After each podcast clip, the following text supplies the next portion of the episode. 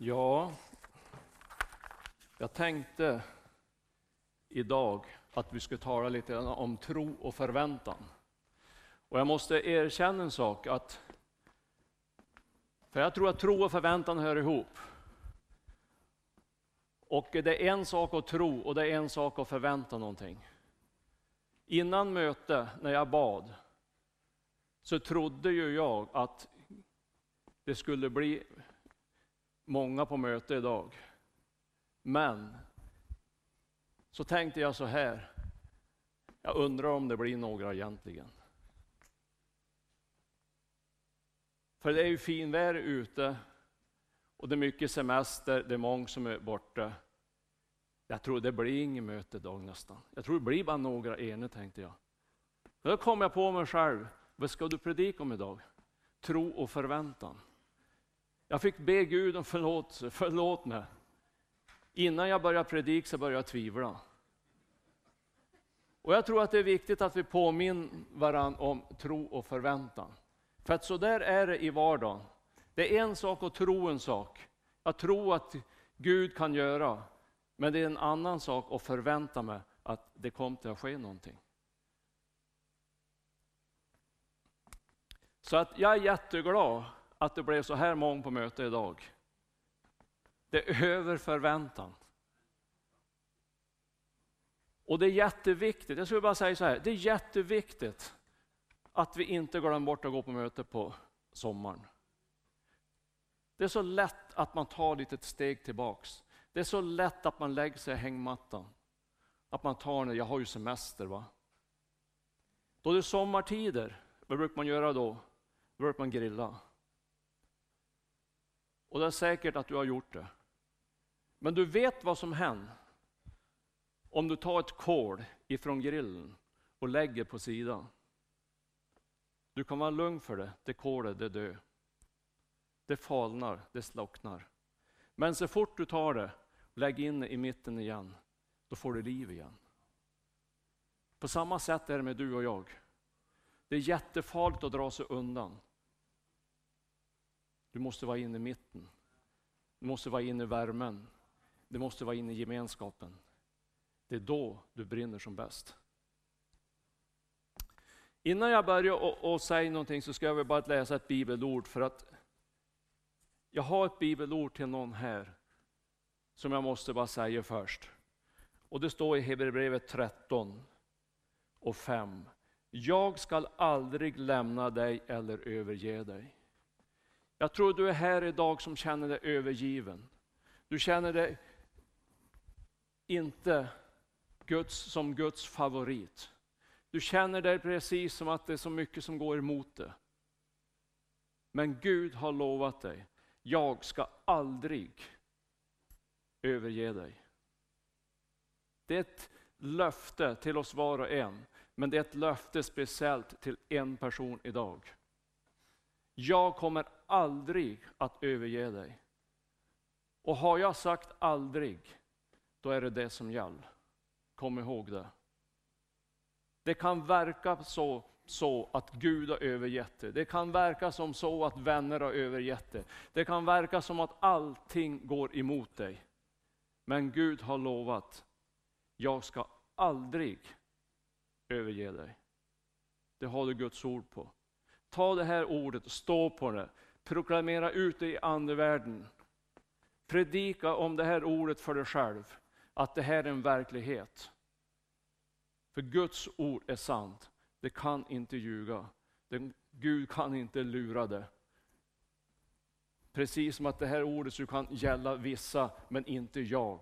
Men är man i en tuff situation så kan man bara uppleva att det där gäller inte jag, det gäller alla andra. Men så är det inte. Har Gud sagt att jag ska aldrig överge dig, kommer han inte att göra nu. Det kan du vara lugn för.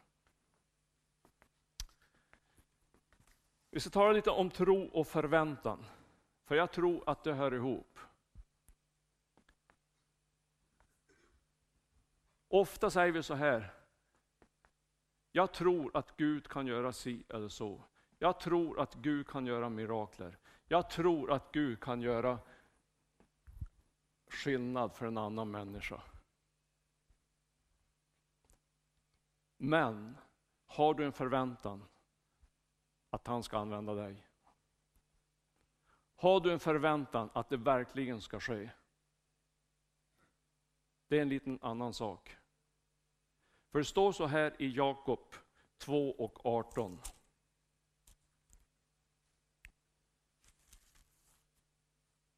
Nu säger, jag, nu säger kanske någon, du har tro, men jag har också gärningar. Visa mig din tro utan gärningar, så skall jag visa dig min tro genom mina gärningar. Du tror att Gud är en, det gör du rätt i. Också de onda andarna tror det och bävar. Vet du att det inte bara är de troende som tror. Det finns de otroende som också tror. Vad är skillnad mellan en som inte tror på Gud, som att han tror, och du som tror på Gud, att du tror? Jag tror det är förväntan. En som inte är frälst kan tro att Gud finns. Men han förväntar sig inte att han ska göra någonting. Men du som är troende, du tror att Gud finns. Och du bör förvänta dig att han ska göra en skillnad. Jag tror Gud förväntar att vi ska ha förväntan på honom.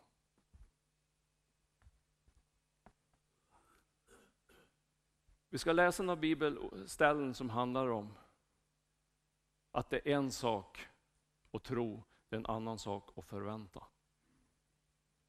Vi ska läsa den här berättelsen om Bartimeus. Men jag såg en, jag vet inte hur många som har världen idag. Fredagen 8 juli var det. Jag slog upp den här och jag blev så glad. Och jag såg en affisch här ute nu som jag inte sett förut.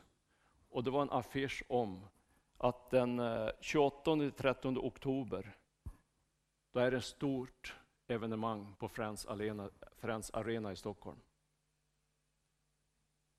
Och jag tänkte så här, det är en man som heter, ja vad var han hette? Pastor Ben Fritcher ifrån USA. Han säger så här, jag har fått ett tilltal från himlen att Gud vill beröra Sverige med väckelse. Av den anledningen har han i tro hyrt Sveriges största arena, Friends Arena, i, arena i Solna den 28 och 30 oktober. Arenan rymmer mellan 40 och 60 000 personer. Priset för dessa tre dagar skulle få de flesta att hissna. Jag vet inte vad priset var. Men jag läste det här, då blev jag så glad. Då tänkte jag så här, det här det är en man som har tro. Men det har kunnat sluta med att han har trott att det skulle bli väckelse i Sverige. Han har kunnat sitta i Amerika och så har han sagt så här, jag tror att det blir väckelse i Sverige. Det är min övertygelse. Jag har fått ett Guds ord på det. Jag vet det kommer bli väckelse i Sverige. Och han har suttit kvar i Amerika. Vad gjorde han? Han hyrde Friends Arena i tro. Helt otroligt. Och hans övertygelse det är att den ska fyllas till sista plats. 40 till 60 000 människor. Vad tror du den mannen har? Han har förväntan. Jag förväntar mig att Gud kan göra mycket mer än vad jag egentligen tror. Du vet berättelsen om Bartolomeus. Det står om han i Markus 10.46. Jesus var förbi, på väg förbi han. Bartolomeus var frälst, han var troende. Jag tror ingenting annat. Och han visste en sak. Om Jesus kom förbi här, då finns en möjlighet att han kan hela mig. Det var Bartolomeus övertygelse. Och när han hörde att Jesus var på väg förbi, vad gjorde han då? Då började han att ropa. Jesus, förbarma dig över mig. Vad hade hänt om Bartolomeus hade suttit kvar? Och så har han tänkt så här. Jag tror på Gud. Jag tror att Jesus kan hela mig. Jag tror att Gud kan ge mig min syn tillbaks. Jag är helt övertygad. Jag tvivlar icke på det. Men har han nöjt sig med det och suttit kvar och inte gjort någonting, jag är inte så säker på att han har fått sin syn tillbaks. Jag är inte övertygad om att Jesus har gått från vägen och gått till han och så gått till, fortsätter igen. Jag är inte så övertygad på det. Inte för att inte Jesus ville hela Men han hade vägen förbi. Han skulle på ett annat ställe. Och när de sa till Bartolomeus, nu får du lugna ner dig. Ropa inte så mycket. Folket tror ju du är inte riktigt klok. Vad gjorde han då? Han ropade ändå mer. Han skrek ändå mer. Och jag är säker på att han hoppade och han fäktade med armar och han levde om för att han skulle få Jesu uppmärksamhet. Vad var skillnaden egentligen? Jo, han förväntade sig att Gud kom, Jesus kom till det hela jag, bara han får öga på mig. Och det märkliga i den berättelsen, det är att Jesus frågar Bartolomeus. Han visste så väl, han är ju blind, det är ju därför han ropade och skrek och håller på. Ändå frågar Jesus, vad vill du jag ska göra för du egentligen? Om man tänker sig rakt upp och ner kan man väl tänka sig så dum en fråga har jag aldrig hört. En som är blind och så frågar vad, vad ska jag göra för du egentligen? Om man ser det krasst. Men vet du vad jag tror? Jag tror Jesus ville höra. Har du Bartolomeus din förväntan på mig? 100 procent. Han ville ha kommunikation med Bartolomeus. Han ville ha relation med han. Han ville liksom, Bartimeus, är vi på samma linje? Är vi på samma plan du och jag? Jag vill ha gemenskap med du. Jag vill ju hela dig, det är inte snack om det ens. Men jag vill lite gärna mer. För att då du blir frisk, då Bartimeus, då ska du börja göra någonting. Då ska du börja be för de som är blind. Då ska du börja göra samma gärningar som jag gör. Och jag tror att Jesus ville ha en där kommunikation med Bartimeus. Det finns en annan berättelse som, som symboliserade samma sak ungefär. Och det var kvinnan med blodgång. Jag har gått och tänkt på henne. Hon hade tro på att Jesus skulle kan hela henne. Men hon hade väntat i tolv år, ingenting hade hänt.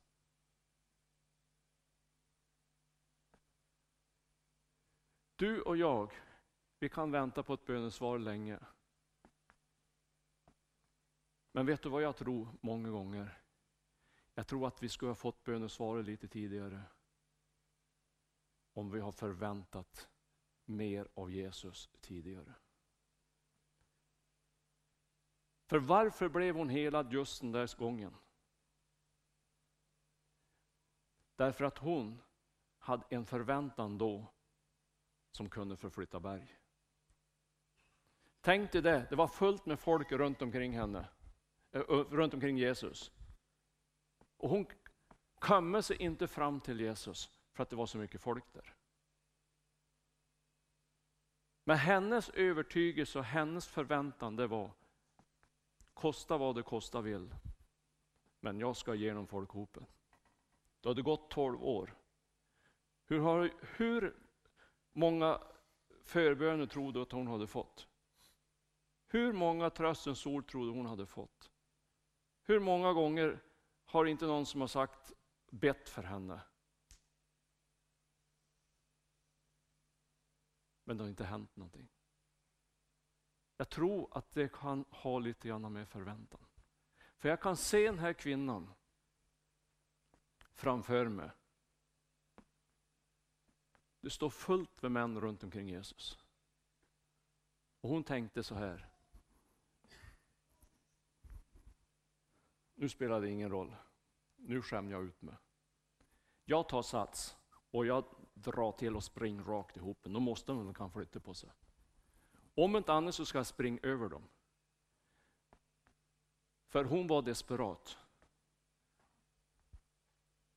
Jag ska ha mitt helande.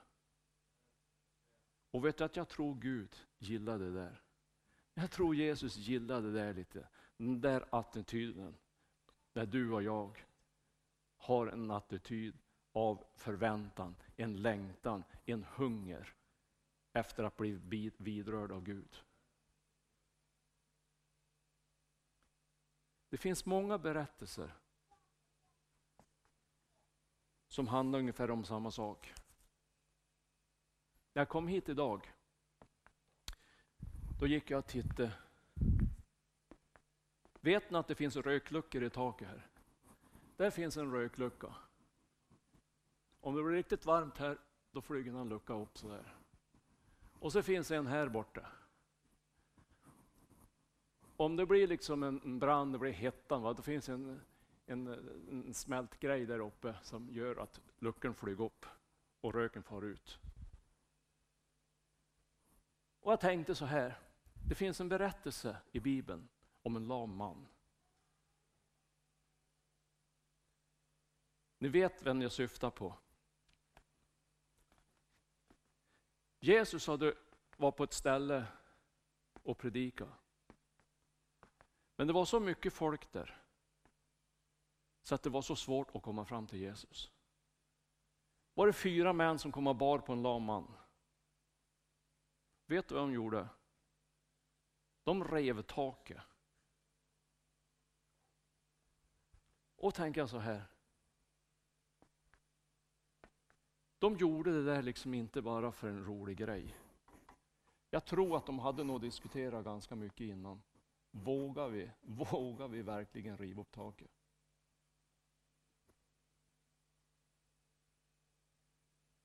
Men de trodde att, Gud, att Jesus kan göra ett mirakel. Och de nöjde sig inte med att sitta på avstånd och titta på och tänka så här. Ja, vill Jesus hela mig, då får de väl göra det då. Han kom väl hit till slut. Någon gång måste de väl ska gå förbi mig. Nej, de satte igång och riv taket. Och jag bara tänker på den berättelsen, jag tänkt på takluckan här. Man borde ju kan ha en förväntan att det skulle kunna hända någonting med den takluckan. Tänk dig den dagen det är så mycket folk här.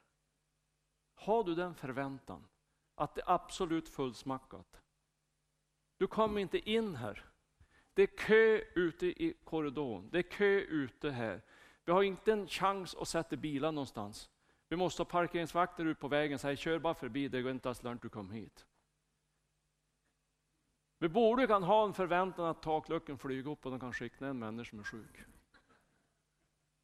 För deras förväntan, det var att riva upp taket.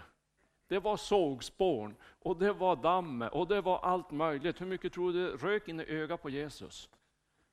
Och jag är säker på att de, att de liksom dividerar om varandra. Vågar vi göra det? Folket tror vi är tokigt, vi kan ju inte vara klok. Vi river ner tak. Då måste vi kan vänta tills Jesus kommer ut bort till huset. Det är väl inget problem. Han kan ju inte ska vara där i evighet, förr eller sen kan han ut. Och jag är säker på att det var den diskussionen mellan dem. Lugn, lugn, vi tar det lugnt. Näsen sa aldrig, vi väntar ingenting mer. Det går inte att vänta något längre nu. Nu har vi väntat nog länge. Och jag tror att den attityden de hade, det gillar Jesus. Han tycker om det. När du och jag är lite dåraktiga. När du och jag liksom går på förväntan och inte bara tro.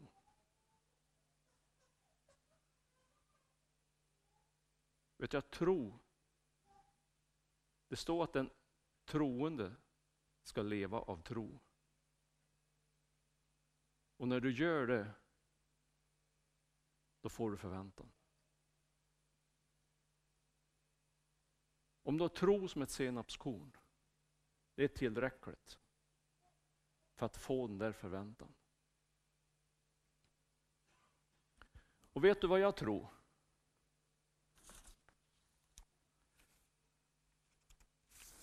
Jag tror att varje troende som är inne här idag, varje troende i Övik, varje troende i Sverige längtar efter väckelse. Längtar efter väckelse och förändring. Jag tror det är inbyggd i varje troende. För jag tror så här, om vi ska ha väckelse och förändring, då måste vi få se mer under och tecken och mirakler. Jag tror att det hör ihop.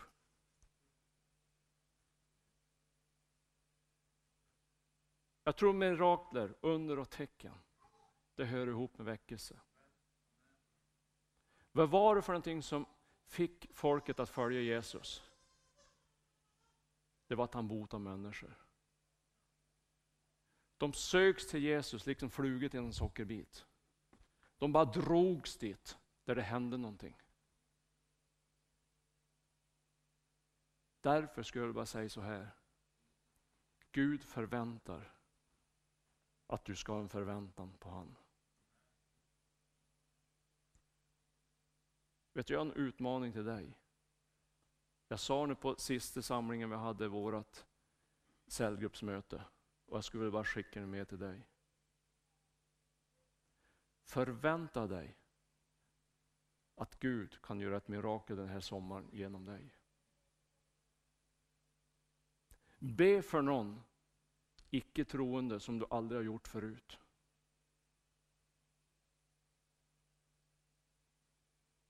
Gör någonting drastiskt som du aldrig har gjort förut.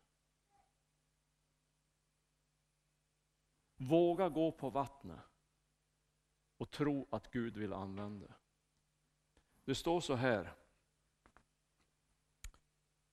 i Matteus 10. Jag ska läsa bibelordet.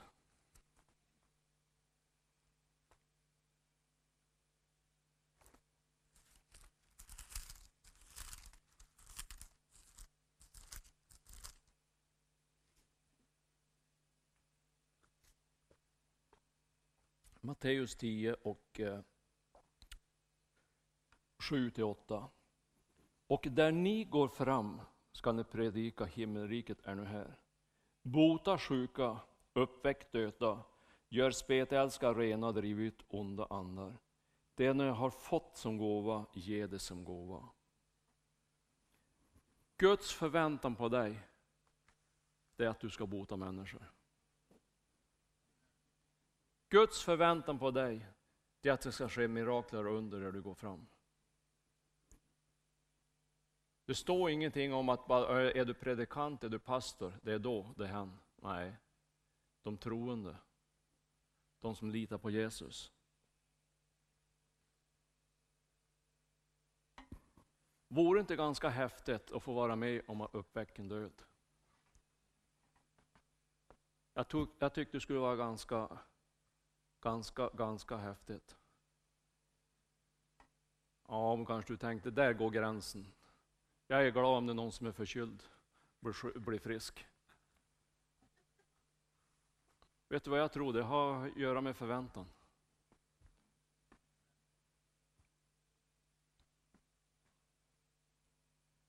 Vet du att det sker mycket under och tecken och mirakler över vår värld idag. Och jag tänker så här. Det är någonting som vi måste erövra över tillbaks till han jord, halvan av jordklotet. Det är gott att höra att en människa nere i Afrika blir rest upp från de döda. Varför ska det inte kunna hända i Övik? Det är underbart att höra att en blind människa i Kina får sin syn tillbaks. Tänk du på broder Jan. De hade slagit av benen på. Som gick ändå ut genom fängelset, alla dörrar öppnades. Det är fantastiskt att höra att det hände. Vad är det för någonting som säger att det inte ska hända i Övik? Vet du att jag tror det har med förväntan att göra? Vi förväntar oss inte att Gud ska kunna göra det här. Det är helt fantastiskt att höra det.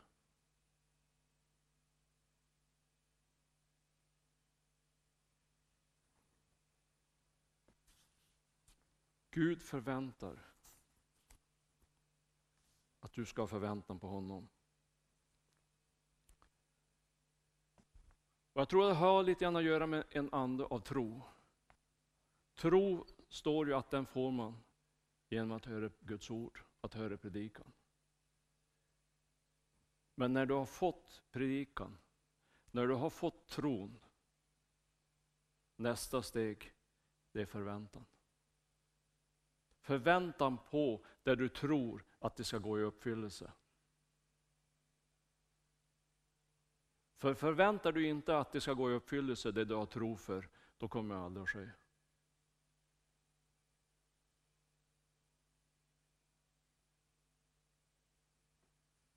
Har du tro för att dina barn ska bli frälst? Som har gått bort ifrån Gud. Förväntar du inte att de ska komma tillbaka kommer de aldrig att göra det. Jag tror att tro och förväntan har ihopkopplat. För förväntan, det kan man säga ungefär samma sak. Jag litar på det du har sagt. Jag litar på ditt ord, det du har sagt. Det är det som gäller. Och ditt ord, har du sagt, har jag fått det här ordet, att jag och hela mitt hus, vi ska tjäna dig. Då är det det som gäller. Gud kan liksom inte ta bort vissa ord och lägga till vissa ord. Gud är densamme.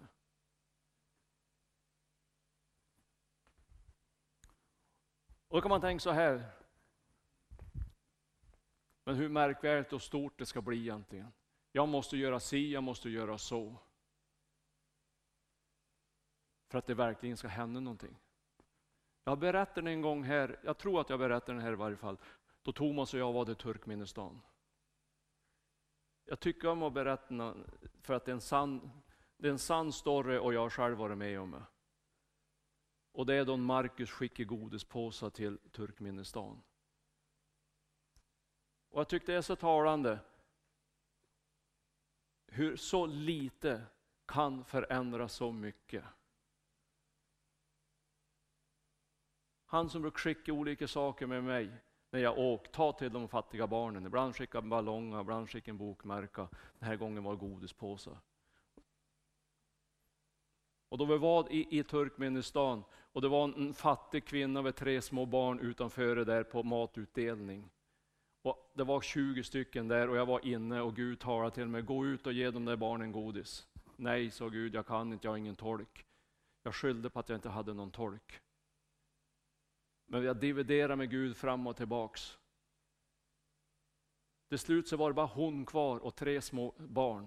Allihopa andra hade gått för det var liksom en innergård där och hon satt där. Och jag sa Gud, jag går. Har du sagt det ska jag göra nu. Jag tog några godispåsar och så gick jag och frågade om jag fick ge de där barnen. Det var så här, när jag är på väg dit, då kom en man bakom mig som kunde tolka mig. För jag skyllde på det Gud, jag har ingen tolk, jag kan inte gå. Vilt främmande människor, Turkmenistan, kan gå och ge godis och inte kan säga hej ens. Det kändes ju så dumt. Men då jag hade två, tre meter kvar till henne, då kom en man som kunde tolka mig. Jag gav de där godispåsen till barnen. Jag frågade kan jag be lite för det? Går jättebra, sa hon. Hon var inte troende. På kvällen hade vi möte. Sista vi sa, sa vi så här, är det någon som vill bli frälst så kan du komma fram så ska vi be för det. Då kom en kvinna längst bak, jag hade inte sett att de var på möte, och gick gången fram hela vägen, ställde sig framför oss och sa, jag vill bli frälst. Det var den kvinnan. Då tänkte jag så här, det behövs så lite för att du ska göra en skillnad. Jag håller på att läsa en bok just nu som heter Jag stred för Arafat. Har du inte läst den så tycker jag du ska försöka få tag på den. Det var en man som var krypskytt i Arafats armé, Fatah.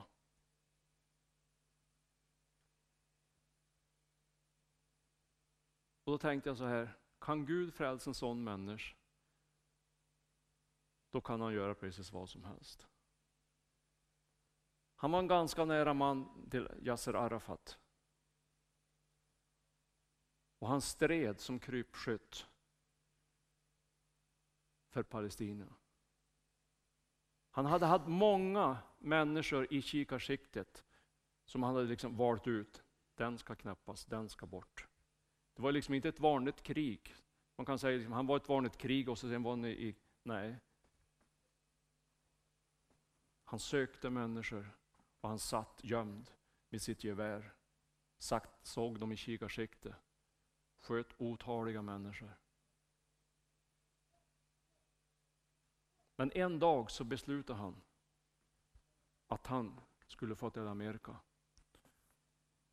Vet du vad som hände där? Han mötte en troende där. Han mötte en liten flicka, en liten tjänsteflicka som hade tatuerat ett kors på armen. Det där korset förvandlade hans liv. Han började söka sig till Gud. Han blev frälst. Han blev förlåten. Han åker runt i arabländerna och vittnar om att han blev frälst. Vet du, ibland så behövs det så lite. Och ibland tänker vi så stort. Jag behöver vara så märkvärdig. Jag behöver göra si, jag behöver göra så. Jag behöver profetera, så säger Herren. Glöm det, säger jag. Du behöver ingenting. Du behöver bara göra en sak. Då Jesus sökte sina lärjungar. Han gick efter stranden. De satt och höll på, som vi säger hemma, jag vet inte vad ni säger, satt och gele fisken. Satt och rensade fisken. Vi säger sitta och gele fisken. Så att de knöt ihop den näta. Och då sa Jesus, han, följ mig bara. Då gör jag resten. Vet du att det är det orden som gäller idag också? Det orden säger, följ mig. Det är det som gäller.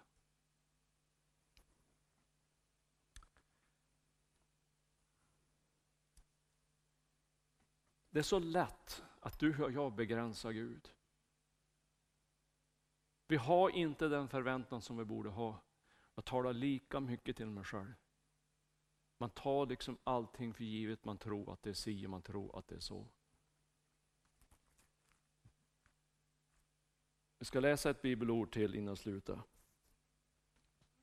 Och det är Andra Konungaboken.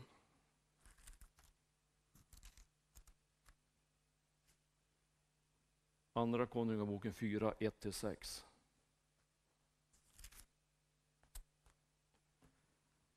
En kvinna som var hustru till en av profetlärjungarna ropade till Elisa. Min man, din tjänare, har dött och du vet att din tjänare fruktade Herren.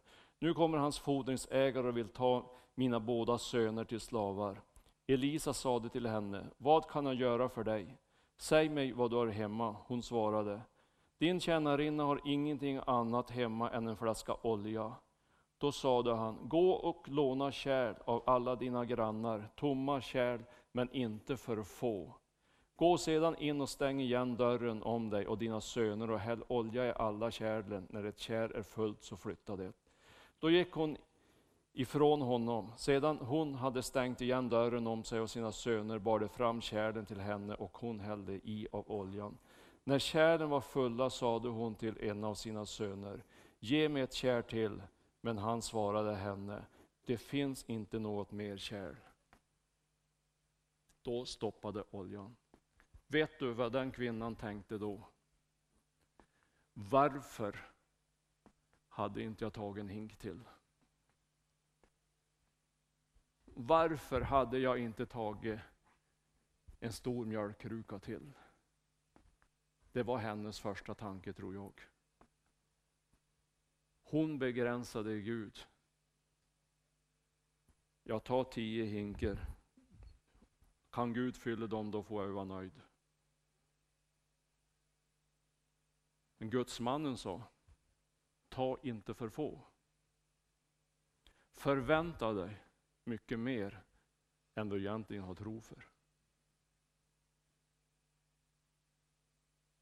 Jag tror det är på samma vis med du och jag. Förvänta dig mer än vad du har tro för. Så ska du få se på mirakler. Så ska du få bli förvånad på vad Gud kan göra.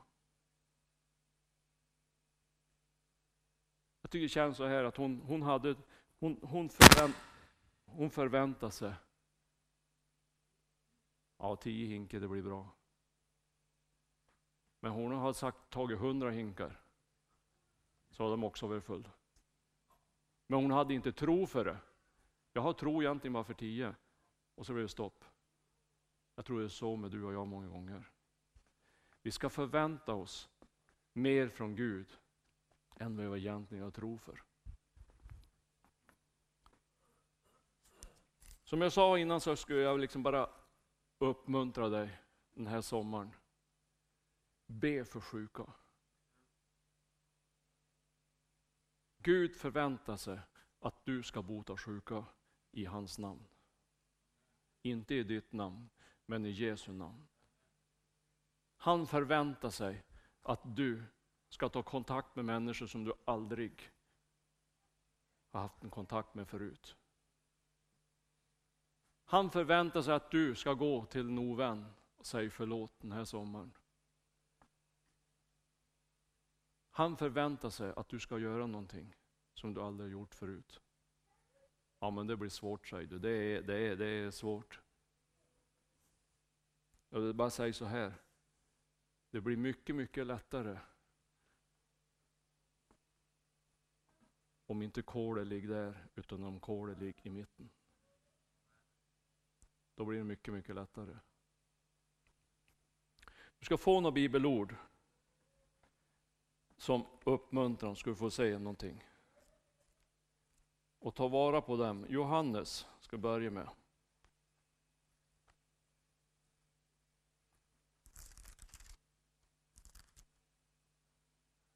15 och 16.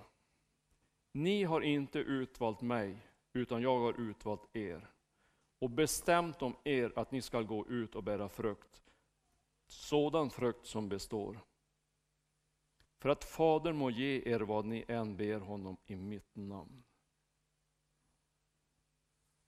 Har Gud bestämt en sak, då blir det så. Tvivla inte på det. Det står att jag har bestämt att du ska gå ut och bära frukt. Går du ut och gör någonting för Jesus så kommer det att bli frukt. Många gånger säger vi, blir det något borta, det duger rakt till. Det säger inte Bibeln. Den säger gå ut, så ska du få se, det kommer att bli en frukt som ett evighetsvärde. Även om det är en godispåse till en litet barn i Turkmenistan så blir det en frukt. Om du gör det för Jesus. Markus 11.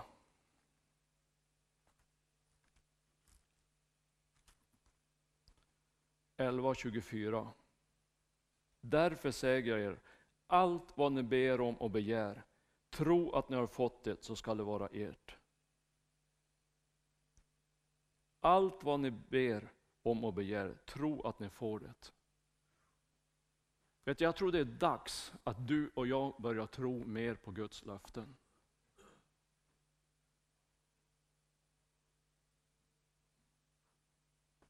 Man kan tro liksom löftet, liksom. man kan tro liksom flyktet att allt vad du ber om och begär, det ska du få. Jaha, jag tror väl det då. Men du ska sätta förväntan till det. Det kommer till att bli det. Ja, men det verkar inte så. Spelar ingen roll. Gud, du har ju sagt det. Jag litar på ditt ord. Du kan ju inte ljuga. Du har ju aldrig ljugit. Varför ska du ljuga just på han bibelordet? Varför ska jag tro andra bibelord, men just det han att allt vad jag tror och begär, att jag ska få det. Varför ska jag tvivla på det? Ibland får man tala till sig själv och bara säga dumheter, vad håller du på med? Du måste ju lita på vad Guds ord säger, du måste lita på vad jag säger för någonting. Och jag tror det är dags att vi börjar ta det mer på allvar. Varför det? Det är att vi måste börja lyfta blicken. Vi måste se att Jesus är på väg. Jesus är på landning. Det känns precis som att han, han har startat. Då du börjar flyga, då du är på väg liksom upp. Du kan ju säga, jag flyger inte. Men i och med att planen har börjat rulla så vet du att du är på väg. Det känns ungefär så. Jesus är på väg. Vi måste ha ett evighetsperspektiv. Det handlar inte om att det ska vara häftigt. Det handlar inte om att, det ska, att det, människor ska bli friska för att det är roligt. Det, inte, handlar inte alls om det. Det handlar om att rädda själar till himlen. Måste börja få nöd för att det människor går förlorade. Det är människor idag som blir frälsta över hela vår värld. Det ska vi vara glada för. Men det är människor över hela vår värld som går till helvete idag också. Det måste vi också vara medvetna om. Vad gör du och jag? Ja, gräsmatta är lite grann för lång, jag måste tvunget klippa, jag har inte tid att gå över till grannen nu. Det är så mycket sånt där, det är så viktigt. Varför det? Därför att vi har sänkt blicken. Det är evighetsmänniskor, evighetsvarelser, de, evighetsbetydelse, vad du gör. Ska rädda människor för himlen. De är dyrbar för Jesus.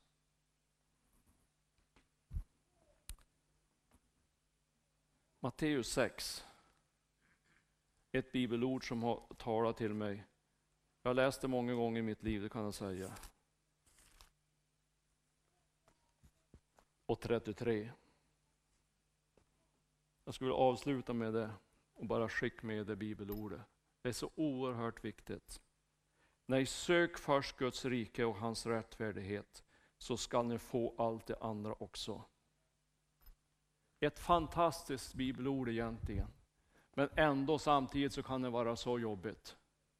Sök först Guds rike, att det ska vara så svårt, att det ska vara så jobbigt, att det ska vara så svårt att prioritera tid på att söka Guds rike först före allting annat. Det borde inte vara det för en troende när du läser, då ska du allt annat tillfalla dig. Då har du allting Hanne, då borde det inte vara ett problem. Men det är en strid på tiden när det gäller för oss troende. Vi ska hinna så mycket, vi ska göra så mycket. Sök först Guds rike och hans rättfärdighet.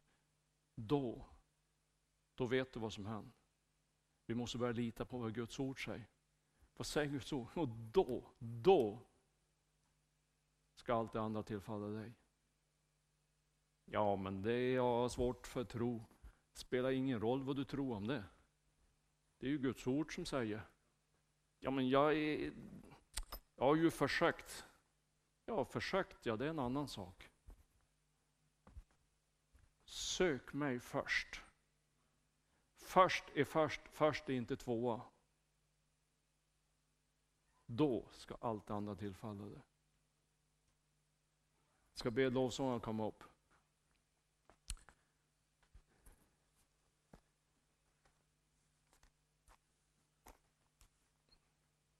Jag tänkte så här, att jag skulle inbjuda till förbön. Om du känner att jag skulle vilja gå på vattnet den här sommaren som ligger framför. Om, jag om, om du skulle vilja göra saker och ting som du aldrig har gjort förut för Gud. Om du har den längtan inom dig så skulle jag vilja be för det. Tro inte att jag är något bättre än du. Du ska inte tänka så. Utan var ett löfte där vi står tillsammans. Då kan vi göra någonting för Gud. Om vi bestämmer någonting tillsammans, då har vi det. För som jag sa tidigare så tror jag det är absolut nödvändigt att varje troende, varje frälst som är inom han väggar idag Börja gå på Guds ord som säger Lägg händerna på de sjuka. Gör mirakler och under och tecken. Bota dem i mitt namn. Förstår ni att vi ska göra det? Står ni att Gud har den förväntan på dig och mig? Då vill han att du ska göra det. Han säger inte en, en, sak att du ska göra det, sen bryr han sig inte. Han tänker att ja, de gör ju inte någonting, då får, då, ja, det är väl som det är. Det. Nej, jag tror han vill locka, han vill dra, han vill mana dig och mig. Att bara våga lita på vad Gud säger. Att inte bara tro. De otroende de tror också. Men han vill att du ska förväntan på det du tror. Vet du att jag var på Prästängen här veckan. Var dit på en, hade en eh, kafékväll där.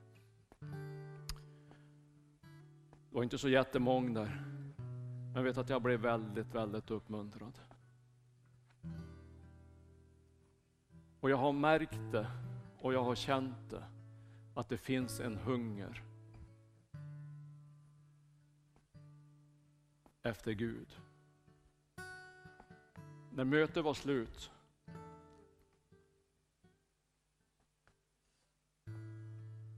så gick jag ut. Och så skulle jag fara hem. Så gick jag ensam ute på plan där. Jag vet inte om jag gick och små och pratade med Gud liksom och om kvällen och sen och kan göra det ibland. Då var det en som hoppade ur en bil. Kom med små springandes till mig och ville jag skulle be för den personen. Den hade ett jätteproblem. Hade liksom ett hunger. Det bara drog liksom. Precis, jag bara tänkte på den här på kvinnan som skulle bara fram till Jesus. Nu var jag ensam så nu var det inget problem att komma fram till jag.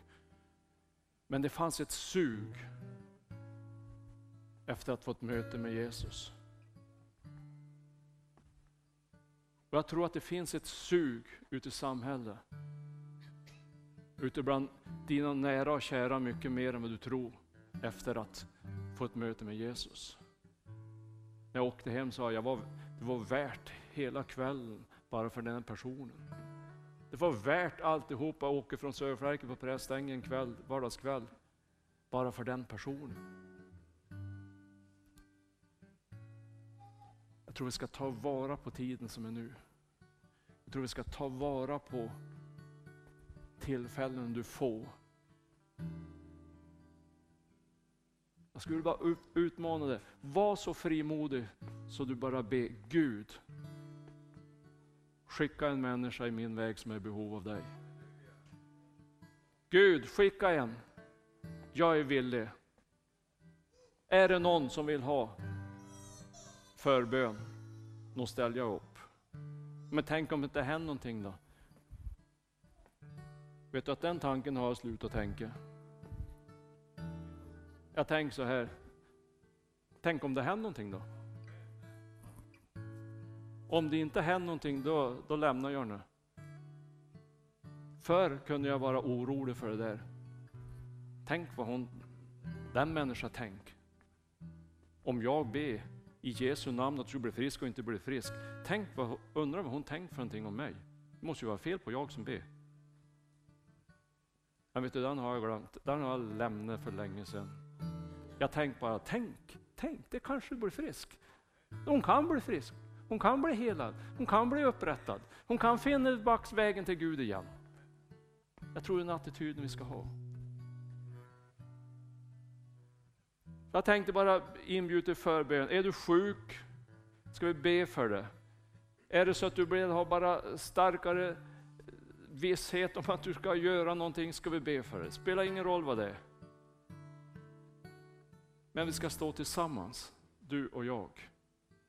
Hela församlingen, allihopa. Det är, det är inte ett enmansjobb. Vi ska stå tillsammans. Kom ihåg det. Kolet ska inte ligga på sia. Det kommer att slockna. Vi ska vara tillsammans. Kolen måste vara, ju större hög, ju hetare det blir nu. Det tror jag du har märkt när du grillar. Ju mer kol och ju tätare de är, ju varmare blir det. Är du här idag och du inte är frälst? Det här är rätta dagen. Kom aldrig bli någon bättre dag än idag och bli frälst. Kom ihåg det.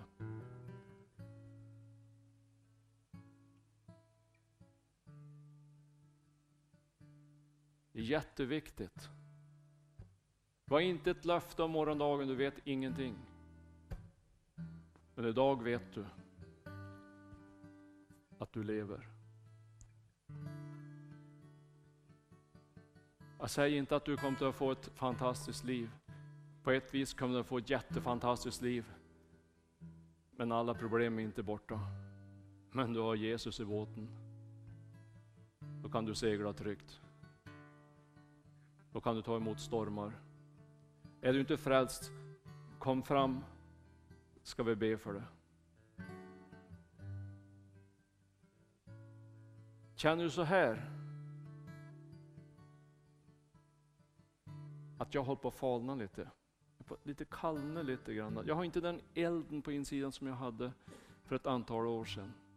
Jag brinner inte lika mycket idag som jag brann för några år sedan.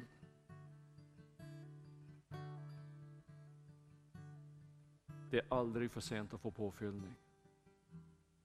Det är aldrig för sent att få påfyllning. Gud vill vi ska brinna. Att vi ska elda våra liv. Ska vi sjunga och så om du vill så får du komma fram. Ska vi stå tillsammans och be om väckelse och förändring i Övik. Amen.